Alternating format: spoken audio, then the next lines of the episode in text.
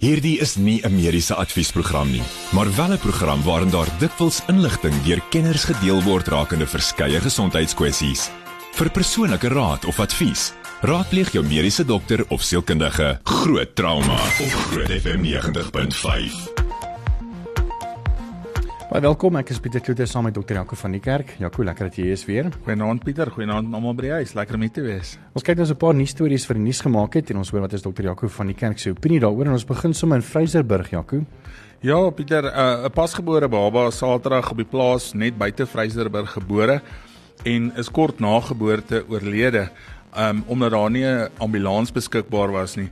Nou, hulle sê die naaste ambulans ehm um, was Sutherland wat 'n grondpad 108 km daarvandaan af is en dan aan die ander kant is die naaste hospitaal in Calvinia wat 208 km van die plaas af is. So hulle het eintlik net 'n kliniek wat baie basiese dienste kan kan doen. Ehm um, en selfs die hierdie kliniek is nie bekombaar deur hierdie mense nie omdat die ambulansdiens nie beskikbaar is nie. En dis nie 'n menswaardige ehm um, jy weet manier dink ek om iemand te hanteer nie. As jy 'n pasgebore baba het, ek meen hmm. dink maar aan aan aan jouself wat daar by die huis sit.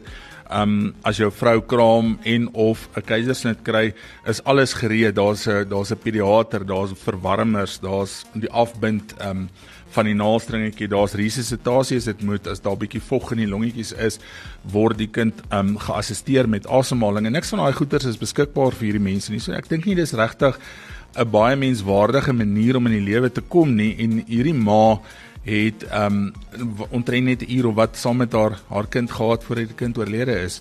En um dit is regtig baie sleg om om te hoor dat 'n mens so ver in ons land in die jaar 2023 nog steeds um dit sien. En en ek dink is een van die redes hoekom ons in Suid-Afrika ook sien dat um ons baba sterfte syfers so hoog is in vergelyking met die res van die wêreld. En dit lyk vir my dat ons kan net nie wegbly by staatspersone wat letterlik hulle vingers in die geld druk by mediese fasiliteite en nou sien hulle lyk my weer by die werk.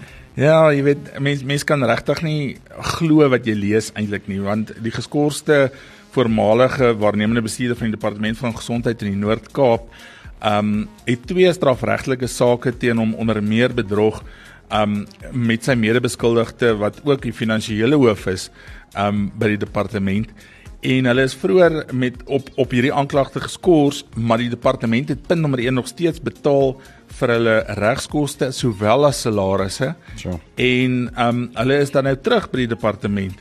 Ehm um, die saak hang, een saak is hangende en en en die ander een is ehm um, teruggetrek en 'n deel verhoor van die ander saak teen tuis eh, wat wat wat een van hierdie mense is sal op 24 Mei in die spesiale handelsmisdaadhof in Kimberley voortgesit word. Um die departement doen nie eens moeite om op navrae te reageer oor hoe dit kan gebeur dat mense wat op bedrog geskort is nog steeds betaal word en hulle regskoste word gedek nie. Net hierna nog steeds nie goeie nuus vir Kroonstad Hospitaal nie, want lyk my daar sal reeds stakende werkers en probleme wat nog steeds nie opgelos is nie. Ons gesels 'n bietjie daaroor en dan hoe gemaak met die kleuterskool kriewelings, weet van kinders wat siek raak. Ek dink van die kok gaan 'n bietjie sy opinie gee oor 'n artikel op marulamedia.co.za. So bly gerus ingeskakel daarvoor. Onthou 'n bietjie later gesels ons met Jaco Duist en ons gaan 'n bietjie praat oor amputasies en die meer. So bly gerus ingeskakel daarvoor. Groot trauma met Pieter Kloete en dokter Jaco van die Kerk op Groot FM 90.5. Ons kyk nou so 'n paar nuus stories wat nuus gemaak het en ons hoor wat is dokter Jaco van die Kerk se opinie daaroor. En ons bly by ongelukkig lyk like my staatshospitale wat al steeds in wanorde en uh wanfunksie is, Jaco. Ja, Pieter, ehm um, die Vrystaat se Gesondheidsdepartement sê die probleme by Boitumelo Hospitaal in in Kroonstad is opgelos, maar ehm um, die gesondheidspersoneel wat daar werksaam is sê dis alles behalwe dit. Hulle sê pasiënte ly honger, lyke word in gange neergesit en daar's net enkele verpleegpersoneel wat ehm um, diens doen in hierdie hospitaal. Ehm um, en dit is nogal skokkend om te hoor, jy weet, ehm um, daar is byvoorbeeld 'n lijk gekry in 'n bed wat al rigor mortis het en al wat die pasiënt langsaan kon doen is om die gordyn toe te trek want daar was niemand om die die afgestorwe pasiënt um, weg te neem nie. 'n Baba is gevind um, in die pediatrie saal ook oorlede en niemand is daar gevind om eers agter te kom wanneer is hierdie kind dood nie. En dit is dis regtig ek dink dis krimineel. Ehm um, daar's groot ontevredenheid oor die haaglike werkomstandighede. Daar's nie oortydbetaling nie. Daar's 'n gebrek aan ordentlike kos. Daar's nie veiligheid vir hierdie vir hierdie personeel nie. Ons het verlede week of die week voor dit gepraat oor oor verpleegpersoneel wat met urine gegooi word en wat aangeraand word. Ehm um, so die die gesondheidsdepartement het dan nou gesê hulle gaan die hospitaal opknap en hulle hou vol dat hulle dit wel gedoen het, maar ons sien nog steeds dat die ehm um, daar nie tans mense is wat wat na hierdie pasiënte kan omsien nie. Dokters in omliggende dorpe help om om na die siekes te kyk, dit wat hulle kan doen. Ehm um, maar aan die einde van die dag is dit eintlik lyk vir my 'n ramp wat daar besig is om af te speel. En dan so op 'n ligter noot, Jaco, ek sien Marula Media het 'n artikel skryf wat David Brand geskryf het oor weet hoe gemaak met die kleuterskool kriwelinge want dit lyk my sodra jou kind kleuterskool toe gaan dan raak hy dan raak hulle siek. Wat wat is die probleem daar of is dit goed? Pieter, dis eintlik 'n baie oulike storie want die kleuterskool sindroom of die crash sindroom um begin gewoonlik op die ouderdom van so 8 of 9 maande. En dit is gewoonlik boonseligweg simptome, goed soos 'n loopneus, postnasale drip, koors, gereelde virale infeksies, hoesery. Um en dit is eintlik 'n goeie ding want onthou as 'n babatjie gebore word, sy immuunstelsel nog nie ontwikkel nie. Hy het antiliggame van die ma, maar dit hou ook net 'n 'n rukkie na geboorte. En dan moet hy sy eie immuunstelsel ontwikkel en hy ontwikkel sy immuunstelsel deur in kontak te kom met bakterieë en virusse en parasiete ensovoorts al buite. En elke keer wat jy in kontak kom met hierdie organisme, bou jou liggaam 'n antiliggaam op wat dan nou vir jou liggaam geheue gee teen hierdie infeksie en as jy weer in kontak kom daarmee dan kan jou liggaam dit beklei. Um en dis dan eintlik 'n goeie ding. So mense kla baie keer as hulle in die hospitaal kom, "Eers my kind sal weer siek" en dit gaan net nie verby nie. Maar mense moet onthou een kind kan 10 kinders siek maak. En as daai 10 kinders gesond is, is die eerste kind weer siek van een van hulle. Hulle hulle herinfekteer en kruisinfekteer mekaar die hele tyd. Ehm um, en en en dis eintlik 'n goeie ding want jy wil eintlik hê jou kind moet voorskool sy immuunstelsel so optimaal as moontlik kry en dit gaan ook sy skoolloopbaan help om nie sy afwesigheid ehm um, 'n uh, uh, persentasie by die skool so so hoog te hê nie. Ehm um, wat COVID dan nou gedoen het en en 'n kollega Dr Dirk Lombard wat hier in Kempton Park werk sê ook Um hy reken dat ons omtrent 3 jaar se immuniteit ingeboet het met die met die um inperkings. En dit is omdat ons kunsmatig weggehou is en en beskerm is van van blootstelling en ons het nie in kontak gekom met mekaar nie. So ons verloor bietjie van daai verworwe immuniteit. Um ek dink dit gaan tyd vat voordat hierdie ding weer beter is, maar mens moet vir die mense daar buite sê en en vir die ouers veral Um dis nie sleg as jou kind siek is nie. Dis nie 'n goeie idee om elke keer wat jou kind siek is antibiotika te gaan soek nie, want meeste van hierdie goed is virale infeksies en dis goed vir jou kind aan die einde van die dag. Um ek weet daar's mense wat wat nou by my gaan stry, maar koors is eintlik goed vir jou want jou liggaam beklei bakterieë en virusse deur te reageer met koors. Dit maak dit 'n ongunstige area of omgewing vir die vir die mikroorganismes om in te leef. Ehm um, so as jou kind siek word, ja, behandel sy simptome, behandel hom as hy siek is, vat hom dokter toe. Maar jy kan ook hierdie kleuterskool sindroom bietjie begin bekamp deur goeie higiëne gewoontes daar te sit. Um om jou kind bietjie aanvullings te gee. Baie kinders kom nie meer buite nie. Hulle kry nie Vitamiin D nie. Um ons het in COVID gesien, um sink doen baie goed um teen virale infeksies. So gee vir hulle aanvullings. Um gebruik probiotikums um wat jou darm um, gesondheid eintlik bevoordeel en dan uit die aard van die saak 'n goeie dieet. En ek weet kinders wil nie gesond eet nie. Ons sien hoeveel keer kinders wat inkom met maagpyn en dan sal hulle eintlik net um fekaal belaai, so hulle darmes is vol en niks gaan heen en weer nie. So dan kry hulle hierdie uh, erge krampe. Um omdat hulle nie genoeg vog inneem nie, omdat hulle nie genoeg vesel inneem nie, hulle eet nie gesond nie, maar probeer om so gesond as moontlik jou eetgewoontes ook te kry by die kinders en dan gaan jy hierdie hierdie sindroom redelik um onder beheer hou. Dit is hoekom ek dink ons generasie nogal regtig goed gedoen het want ons was die die baba grond eet generasie. Ja, ons het grond geëet en met aardwurms gespeel en allerlei dinge gedoen daar buite en, en en ons het oorleef. Ek dink ons is sterker aan die einde van die dag. Blink skakel net hier nog gesels ons met Janko Duiste ortotis. Groot trauma met Pieter Kloete en dokter Jaco van die Kerk op Groot FM 90.5.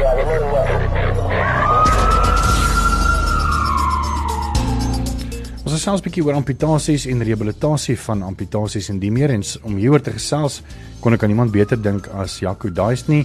Hy het sy eie praktyk en hy's 'n ortotis en jy kan maar vir ons 'n bietjie meer vertel oor jou veld want baie ouens wil weet ouers sê nee gaan jy medies gaan sou jy met dokter word maar daar's eintlik redelik baie ander goed ek meen so byvoorbeeld weet ehm uh, uh, arbeidsterapeute, spraakterapeute en dan natuurlik weet julle wat baie belangrik is jy weet om weet uh, om te help met proteses en die meer. So baie welkom Jaco. Baie dankie Pieter. Ehm um, ja, ek dink ons het 'n ongelooflike werk. Ehm um, daar's altyd so half as ek die woord klisjé kan gebruik, ons uh dis goed om in mense se lewe 'n verskil te maak en dis definitief wat ons doen op op groot uh vlakke soos amputasies en soms kleiner goedjies net deur 'n binnesool te maak. So ons ehm um, studie rigting is maar ortotika en protetika wat vandag by TUT gestudeer word en dit is nou 'n BC graad vandag. In my tyd as ek dit nou so kan noem het ons 'n diploma gedoen wat ek baie dankbaar vir was. Ehm um, ek is op skool baie prakties aangeleë gewees en dit is hoekom ek hierdie rigting gaan studeer het. Ehm um, opset male oor met my hande te werk en met mense te werk. So ons rol in die rehabilitasie vandag dink ek is is regtig groot en Uh ek sou graag klem lê op die verhouding tussen ons en en dokters. Ehm um, mense verkies het dat daar in vandag se stelsel uh dissiplinêre span is wat eintlik saam sit as dit kom by selektiewe amputasie waar ons vir ons kant af kan verduidelik wat se komponente gepas moet word, hoe hoog is komponente, ehm um, hoeveel spasie is nodig na die amputasie want baie uh dokters met alle respek gesê is altyd geleer jy doen 'n uh, amputasie so handwyte hier onder die knie. En weet jy het jy het lang mense, jy het kort mense en jy het uh of hulle dink baie keer hoe langer die amputasie hoe beter wat nie noodwendig die situasie is nie. So ek dink as mense saam in 'n selektiewe amputasie kan uh besluit wat is die vlak van amputasie Ehm um, natuurlik om die knie te behou is altyd prioriteit want dit maak jou hele protese se rehabilitasie ongelooflik makliker en baie goedkoper. Maar dit is nie altyd moontlik nie. Um, as mens saam besluite kan neem, die dokter kan weet uh wat ons gaan doen na die tyd, dan is sy werk ook ehm um, ek dink meer deurdag en hy sal ander besluite neem. En hulle tegniek van amputasie is ongelooflik belangrik om vir ons op die einde 'n ledemate los wat goed is om mee te werk en vir die pasiënt die res van sy lewe moet hou. So ja, ek dink ons het 'n ongelooflike werk en ons speel ja, 'n baie groot rol in daardie in daardie pad. Ek wil 'n bietjie praat oor die uh, weet Jaco wil ook net sê, mm. uh, maar ek wil 'n bietjie praat oor die evolusie van van mm. protese. En Jaco, jy moet my miskien ook help hierso want ek neem aan dat as as 'n mens 1000 jaar terug moes 'n amputasie gehad het, dan het jy dit 10 teen nie oorgemaak nie weens infeksie en die meer, maar kom ons sê dit was nou die eenheid 'n miljoen wat jy dit nou gemaak het, dan het jy nou net 'n stok gehad om jouself te balanseer. en dan toe as mens nou kyk na die na die oorloë, jy weet van die 1800s en daai meer toe het hulle nou meer begin met ehm um, weet 'n bietjie beter amputasies dink ek. Ek weet nie ek praat nou nie as 'n kenner nie, maar weet toe was dit weet nog nog steeds ehm um, jou hout kruk wat jy nou kon kon maak en en en for all that matters, jy weet moes mense was letterlik dan of obviously dan as hulle nou ehm um, 'n been of so verloor maar altyd in 'n rolstoel of ja. in die bed en hulle kon nie regtig baie mobiel gewees het nie. So so vanaf weet hoe die evolusie van mm. weet van die eerste ek weet nou mense dink aan aan kinderprente soos dokter of soos die Pirates of the Caribbean weet waar die ou houtbeen ja. het byvoorbeeld, jy weet. Ja, ek uh, is ek dink baie bevoorreg om ehm um, ek het dan nou in 1992 begin begin studeer en ons beroep nog lank voor my tyd was letterlik 'n ambag So dit was ouens wat uh met 'n hamer 'n stuk metaal geslaan het en gevorm het waarin jou ehm uh, stompie dan nou gepas het. Obviously baie hard en ongemaklik en later het hulle dit uit hout begin doen. En in in my beginjare het ons gipsafdrukke geneem van die leremaat wat ons vandag nog doen. Maar dan het ons die manier hoe die protese aan jou vassit het ongelooflik verander oor tyd. Ons vroeër, um, ek kan dit nie anders as dit Engels uit te druk nie. Ja, ons het nou gepraat van 'n PTS wat beteken maar jy gaan bo die kondylus van jou knie in wat hy moet knyp om vas te hou sonder dat hy dan kan afgly. Dis nogal regtig 'n uh, ek sê altyd vandag dit was re regte protetika gewees. Daar is moeiliker werk as wat dit vandag is. En so het dit ontwikkel dat ons met silicone liners begin werk wat op verskillende maniere vir jou suspensie gee of met 'n 'n pin wat in 'n ehm um, ek het nou baie Engelse woorde wat in 'n lak ja, ingaan. Ja of uh, ons het vakuumstelsels ehm um, wat hierdie been insit en daar gaan lug uit maar dit kan nie weer in nie of ons het suspensie ehm um, silikoon uh, sleeves wat in die bobeen gaan. En die materiaal het ligter geword. Ons is met carbon fiber baie besig.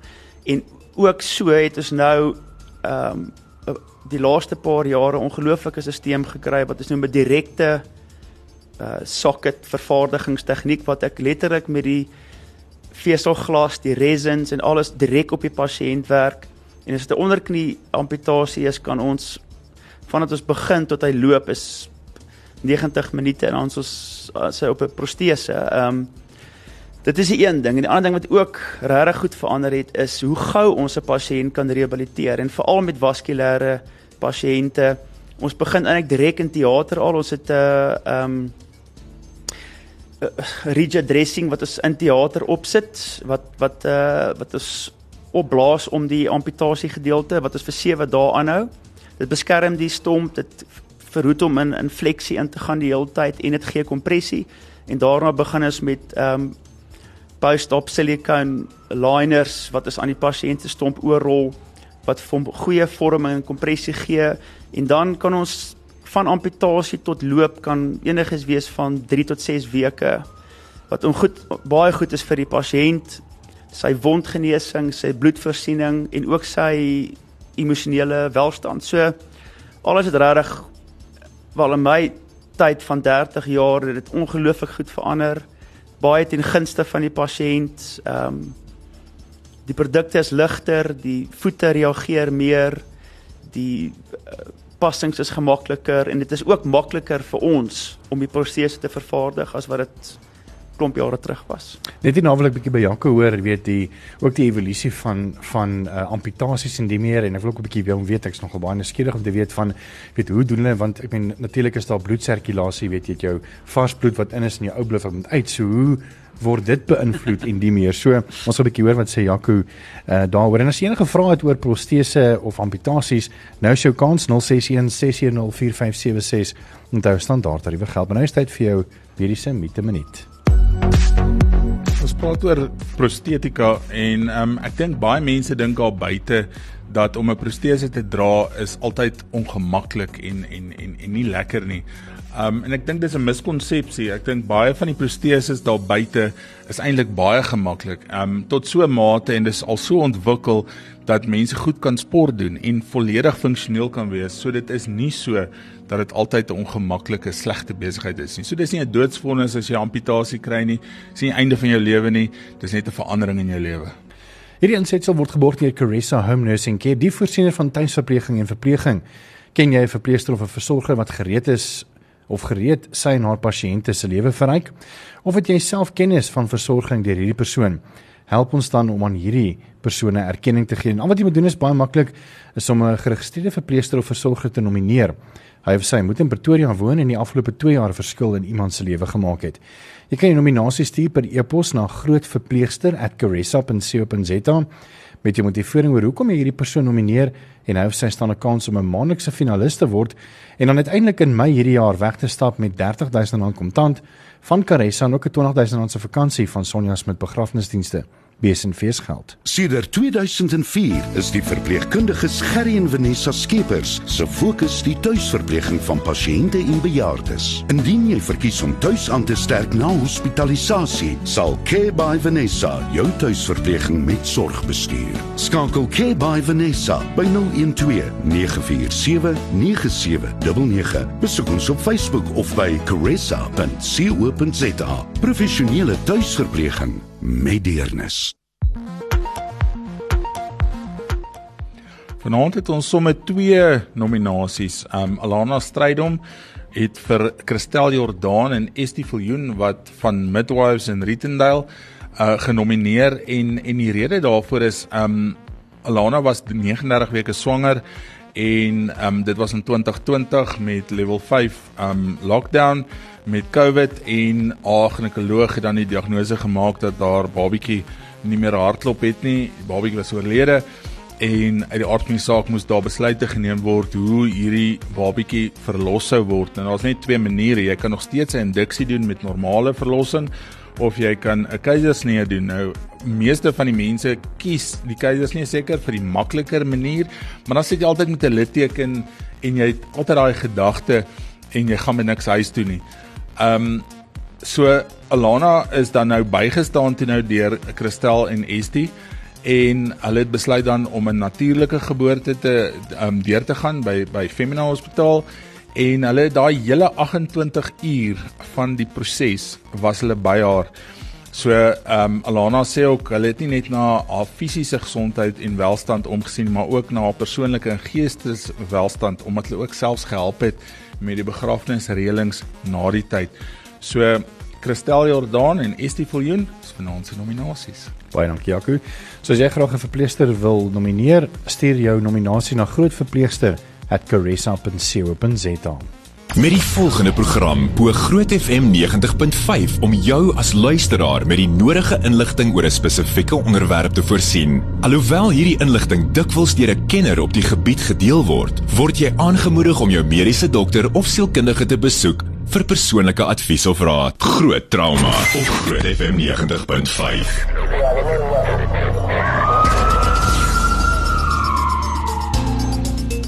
Welkom terug. Ek is Pieter Kloete saam met Dr. Jaco van die kerk en ons sit ook vir Jaco Daist. Hy is 'n uh, ortotis en ons gesels 'n bietjie oor amputasies en die meer en baie dankie vir die terugvoer wat ingekom het. Ehm um, ons gaan 'n bietjie later by die vraag oor protese 'n bietjie stil staan en dan jou jou vraag beantwoord. Ek wil wel net hierdie noem Marlene sê Hallo julle, my pa het op 2 op 86 twee protese bene gehad. Hy het geloop met hulle en selfs motor bestuur. Sy protese bene was awesome en hy kom ten minste oor die weg kom. Groete Marlene. Dankie vir jou terugvoer Marlene. Een vraag wat ek nog het Jaco is, weet as as 'n dokter nou besluit op op 'n amputasie byvoorbeeld op 'n 'n voet of 'n arm of so. Ek meen jou liggaam is mos eintlik maar half uh, weet het mos jou jou vars bloed wat ingepomp word met suurstof en dan die met koolstof wat dan uitkom weet uh so hoe as jy nou amputasie maak dan sny letterlik dan daai as ek dit kan 'n hoë weg van bloed af. So hoe sirkuleer bloed dan nog steeds en hoe werk slagare byvoorbeeld? Ja Pieter, ek dink mense moet begin deur te sê daar's verskillende tipes amputasies. Ons praat van van obviously die trauma amputasies en dis gewoonlik en ons sê altyd 'n trauma geval gaan nooit breek of geamputeer word waar ons hulle graag sou wou gesny het nie dit sal altyd op die verkeerde plek wees. En dan jou elektiewe amputasies, dis waar jou tipe 2 diabetes of jou diabetes pasiënte wat nie gekontroleer is nie, jou arteriële afsluitingspasiënte, jy weet, um vaskulêre siektes. Um waar mens dan voor die tyd 'n goeie besluit en 'n beplanning kan hê van waar jy en hoe jy die amputasie gaan doen daar's verskillende tipes amputasies net na die onderste ledemaat gaan kyk en 'n mens onder by die voet begin. Ek dink meeste mense wat al ingroei tunnels gehad het wat nie wil weggaan nie en aanhou en aanhou en aanhou, dan sal die ortoped vir jou sê hy soek 'n saam amputasie. Met ander woorde, hy vat net 'n gedeelte van die van die van die byvoorbeeld groot toon se se punt van 'n beentjie, die voorste verlangs um, haal jy 'n stukkie af en jy maak eintlik daai toon bietjie korter en jy sit net daai velflappie terug. Jy haal die naal uit en jou probleem is uitgesort. Um, dan praat ons van gewoonlik maar onderbeen amputasies. Jy kan deur die knie amputeer, maar ek dink julle gaan almal saamstem. Ek dink die ortoptistes sal saamstem dis ook nie die beste amputasie nie. En dan bobeen amputasies en dan baie keer vir vir veral beenkankers kan mens selfs 'n hemipelvektomie doen. Met ander woorde waar jy die helfte van die pelvis wegsny en eintlik 'n spierflap gebruik om toe te maak, ehm um, wat massiewe groot operasies is. Ehm um, as jy dan besluit jy gaan die amputasie doen, moet jy gaan kyk wil jy daai pasiënt kan laat rehabiliteer en gaan daai pasiënt kan rehabiliteer ja of nee en mens probeer altyd om dit te te doen. As jy byvoorbeeld 'n bobeen amputasie doen, sal jy dan 'n tourniquet opsit, 'n tourniquet om om dan nou 'n bloedlose veld vir jou te kry, so jy eleveer die ledemaat, na die narkose dan nou um, werk en jy sit die tourniquet op, laat die drukke hoër is as wat die bloedsirkulasie is en dan het jy eintlik 'n bloedlose veld om op te werk. So soos wat jy deur die strukture gaan, jy moet maar net die anatomie ken, weet jy waar loop die groot arteries wat dan nou die die suurstofryke bloed veronderstel is om te om te dra. Ehm um, jy weet waar loop hulle, jy weet min of meer waar loop die groot venas en dan die senuwee is uit die aard van die saak ook want dis ook 'n belangrike ding as jy nie die senuwee reg hanteer nie, kry daai mense nogal redelike pynne. Ehm um, en daar's ook metodes wat jy kan gebruik en ek dink dit is baie debatteerbaar nog en ek dink daar's baie kontroversie oor wat werk en wat werk nie altyd nie. Maar ehm um, daar is baie maniere wat mens kan probeer om daai pynne van die senuweepynne weg te kry. So jy gaan klamp letterlik eintlik maar die die arteries en venas af en jy bind hulle af. Ehm um, dis so eenvoudig as wat dit is, maar jy moet jy moet beplan hoe gaan jy jou spierflap en jou vel toekry weer aan die einde van die dag. Dis nie soos in die ou dae soos wat jy gepraat het van die middeleeue. Ek dink daar het hulle guillotines gebruik en net met 'n met 'n warm ding gebrand die bloed um, om te stop. Ehm um, so jy moet redelik mooi beplan hoe jy 'n sagte weefsel kussing om daai been wat jy dan nou afgesaag het of afgesny het um, om daai been um, te te kan kry sodat die ortotis kan gaan en die koning en die prosedures te kan doen om die om die ledemaat of die protese te te pas. Ehm um, en jy moet voor die tyd ook weet, byvoorbeeld as jy 'n bobeen amputasie doen, dan kan jy die, moet jy die spiere gaan heg en jy moet hulle gaan anker. Anders dan gaan jou been, jy mens sien baie keer ou amputasies van bobene, dan lyk dit asof die oom se been so so uitdraai. Ehm um, dis is van daai spiere nie um goed geanker is weer aan die been nie. Um as dit die geval is, dan kan mens ook baie moeilik loop met 'n protese. So mens moet die operasie baie mooi gaan beplan en ek dink dit dit het al baie baie ook gevorder in die laaste paar jaar. En daar's baie metodes wat gebruik word om dit te kan doen op 'n mooi manier. Um dis altyd 'n slegte operasie, weet dis nie dit voel so half of jy iemand um benadeel maar jy red eintlik sy lewe want as jy nie dit doen nie dan kan hulle uit die aard van die saak sepsis kry en daar's klomp ander komplikasies wat kan gebeur. So aan die einde van die dag dis nooit 'n lekker atmosfeer in 'n teater die oomblik wat jy um 'n amputasie gaan doen nie, maar um jy moet dit reg nog steeds beplan. Ons verkies en en ek dink dis baie belangrik om te sê veral vir die diabetes en die mense met vaskulêre siektes. Ons self verkies ook om onderbeen amputasies eerder te doen as bobeen amputasies. Ehm um, maar jy kry mense wat dan die, die diabetes voet begin by die voet en jy sê ons moet 'n onderbeen amputasie doen en die pasiënt sê vir jou nee. En as dit nee is, is dit nee. Ehm um, jy moet mooi met daai pasiënt gaan praat en volledig inlig want as hy dit nie doen nie dan gaan daai dooie weefsel en daai probleem net versprei en later begin dit met 'n met 'n bobeen amputasie en 'n disartikulasie, hemipelvektomie en en aan die einde van die dag gaan daar baie mense dood omdat hulle geweier het om te amputeer uh betyds en geweier het om vroegtydig dit te doen sodat hulle nog wel 'n protese kan kan kry. En Jaco, ek dink jy het ook al gesien in jou geval waar dit eintlik die beter opsie was om dadelik die die ehm um, die besluit te maak om die amputasie te doen. Ja, en ek het ongelooflike waardering uh, vir wat dokter van die kerk hierso sê want ehm um, die besluit tot 'n uh, amputasie is definitief nie maklik nie veral as jy byvoorbeeld sit net met gangrene in jou groot toon.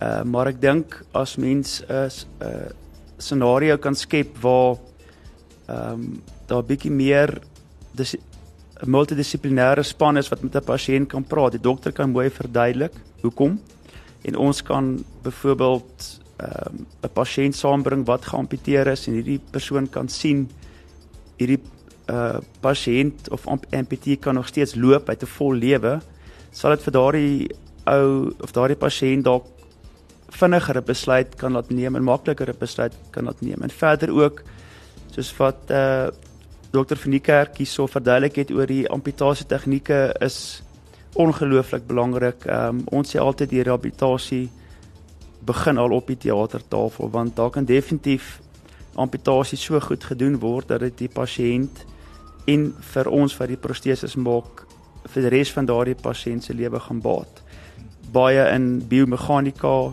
baie in beleining, ehm um, baie in hoe maklik dit is om die protese te pas. Ehm um, soos wat hy genoem het van die senuweepunte is 'n uh, baie algemene probleem, maar ek moet sê baie keer meer 'n traumatiese amputasie want ek dink in daai omstandighede gaan dit meer om die lewe te red as wat dit as jy die kans het om mooi die ehm um, stomp te ondersoek, maar broer senuweepunte wat oppervlakkig sit uh, vorm in die room wat ongelooflik pynlik is vir 'n pasiënt en ons kan nie 'n protese aanpas om dit te akkommodeer en dit werk net nie. So daai mense moet altyd terug gaan teater toe en daai neuro moet verwyder word. So ja, om terug te kom daarbey, ehm um, amputasie tegniek ongelooflik belangrik. Ek dink 'n vroeë besluit tot amputasie ongelooflik belangrik. Jy kan vir jare en jare sukkel met 'n wond, drie keer 'n week na 'n wondsorgsuster toe gaan. Ehm um, jy moet spesiale skoene dra, ehm um, weet dit lyk en ryk onaangenaam en is verlang, is dit 'n is dit 'n slegte ding in jou lewe en baie mense vat en ek verstaan dit. Baie mense vat 4, 5, 6 jaar om tot daardie besluit te kom en waar jy baie vroeër 'n uh, beter lewe kon gehad het en ek sien nie dat dit maklik is nie, maar as mens kan praat en uh 'n ingeligte besluit neem, dink ek sal dit 'n ongelooflike groot verskil maak. Nee, skus, ek wil net by sê, um baie mense wonder hoekom het ek 'n diabetes voet en nou wil die dokter kom en my onder die knie amputeer. En dit gaan ook oor die bloedvoorsiening. Dis presies wat jy nou nou gesê het ook. Jy moet seker maak die wat die operasie doen dat daai wond gaan genees as jy klaar die amputasie gedoen het. Jy moet seker maak dit gaan nie dood en die vel gaan nie afbreek nie want dan gaan mense ook met 'n probleem sit. So jy moet op 'n vlak amputeer waar daar goeie bloedsirkulasie is, goeie arteriële vloei, goeie venese dreinasie en dit is hoekom jy eintlik hoër op amputeer as wat die meeste mense dink nodig is want hulle sê hoekom sny hulle net my voet af nie. Ja. Maar dan gaan jy sit met 'n met 'n probleem van wondgenesing soos ons nou gehoor het en ehm um, dit is 'n groot 'n groot gemors. Ek wil ook, ook baie graag daarbey aansluit is dat baie keer deur byvoorbeeld 'n groot toon te amputeer wat sien nou maar gangrene het. Ehm um, los jy daai spesifieke probleem op, maar jy skep 'n volgende probleem net daar. Want jy verander ongelooflik aan biomeganika op die voet. Jy verander op drukpunte op die voet en ek kan jou amper ek wil nie sê waarborg nie, maar 'n baie groot kans dat jy volgende seer gaan kry net 'n entjie agtertoe op die voet. Dan doen hulle 'n midvoet amputasie. Dan gaan jy sien die pasiënt gaan na 'n rukke probleem met sy hak hê en dan doen hulle is noem dit amper so 'n salami prosedure. Hmm. So ek dink dit is baie keer as gevolg van wat die pasiënt wil hê. Mens los 'n probleem tydelik op, jy skep definitief 'n volgende probleem as wat eerder as wat jy die brawe besluit neem en 'n onderknie amputasie kry en die en die situasie is finaal opgelos. Ek dink dit is waar dit inkom. Ek dink die die multidissiplinêre span, ek dink die dokter moet by die ortoptis praat privaat, mm. nie vir die pasiënt nie en en as die dokter voel nee wat ek dink die eerste kans ons kan daai voet red dan dat die ortoptis dan sal instem en dan indien dit nie so is nie dat hulle mekaar dan voorberei om dan vir die pasiënt dan die voorstand te gee. Ja. Maar dis 'n baie goeie vraag van Letty Klopper en ek het nogal gewonder oor hierdie ook. Sy sê Goeienaand, ek wil net graag hoor hoe hanteer 'n mens phantom pains? Is daar moontlikheid dat dit heeltemal sal verdwyn? En ek neem aan sy bedoel hierso dat weet waar jy jou kom ons sê jou been word geamputeer, maar jy voel nog steeds jou tone juk of so iets. Ek neem aan dit is wat sy bedoel. Ek moet sê dit is definitief 'n baie kontroversiële uh onderwerp. In my ervaring het ek al gevind dat en ek weet nie ja, baie keer na amputasie er, ervaar mense dit en ek dink soveel meer as hulle vir baie lank met 'n wond of 'n seerplek gesukkel het, is 'n is 'n spookpyn baie meer teenwoordig as byvoorbeeld met 'n skielike traumatiese amputasie, maar ek het al ervaar sodra mens 'n protese begin dra, ehm um, raak daardie spookpynne minder. Ek het mense wat spookpynne gehad het vir 3 weke en ek het mense wat met spookpynne sit of vir 6, 7, 8 jaar. So ek weet ek daar word 'n antidepressant voorgeskryf. Ehm um, ek is heeltemal seker wat die naam nou is nie, maar daar's is medikasie. Ehm um, ons het byvoorbeeld as ek praat van 'n gewone onderknie amputasie, is daar spesifieke silikoon liners wat die mense aantrek wat ehm um, gesê word dat dit verminder spookpynne. Ehm um, maar dat dit 'n uh, 'n moeilike probleem is om op te los. Ek gee nie noodwendig nou 'n oplossing nie. Ek ek erken nie dit is definitief 'n probleem by uh, mense wat amputasies ervaar het en ek dink dit soms is baie mense ongelukkig dat dit net baie lank aanhou. Jaco? Ja, ek stem saam. Ehm um, baie keer hierdie spookpynne is by mense wat lank met wonde sukkel en wat pyn ervaar het. En onthou pyn gaan met senuweebane en daai senuweebane word later gevorm as jy kronies pyn het. Baie mense met kroniese pyn het ook depressie. Ehm um, en dit hardloop hand aan hand. Ek dink die die belangrike ding is een, ehm um, as jy die amputasie doen, hoe jy die senuwee hanteer terwyl jy dit afsny, veral as jy elektief te doen. Ehm um, baie keer van ons sal sal nie net die senuwee gaan afsny, jy gaan hom eers effens uittrek, jy gaan 'n lokale verdower spuit, jy gaan hom sny, hy gaan terugtrek in die sagte weefsel om seker te maak dat daar nie neurome vorm nie. Ehm um, ek dink dit help tot 'n groot mate. Ehm um, amitriptyline of trepeline is die, is een van die goed wat mense kan gebruik in die aand. Daar's ander senuwee geleidingsmoduleerders soos um, gabapentin wat 'n aktiewe bestanddeel is van van paar um, van die van die uh, kommersieel beskikbare produkte wat senuwee geleidingsmoduleerders is. So daar's 'n hele paar geneesmiddels wat kan help daarmee ook, maar dit is nie 'n waarborg dat dit 100% dit wegvat nie. En dit is individueel baie baie um verskillend van mens tot mens en dit is dis maar soos met 'n operasie ook. Jy sal dieselfde operasie vir 10 ouens doen en hulle herstelperiode gaan 10 10 verskillende herstelperiodes wees. Um afhangend van hoe hulle gesindheid voor die tyd is, hoe graag hulle wil rehabiliteer en dan ook hoe hulle hoe hulle liggaam hierdie hierdie stres hanteer. Hmm. Dis ongelukkig alwaar vir ons tyd het Petrus Swart ekskuus ons kon nie by, by jou vraag uitgekom het nie. Maar wenens dankie Jaco uh, duist um, as jy meer wil weet oor hom is limbs.co.za en natuurlik dokter Jaco van die kerk deel ingekom het was baie lekker om saam julle te kuier. Ongelooflike voorreg. Baie dankie. Groot trauma met Pieter Kloete en dokter Jaco van die kerk op Groot FM 90.5.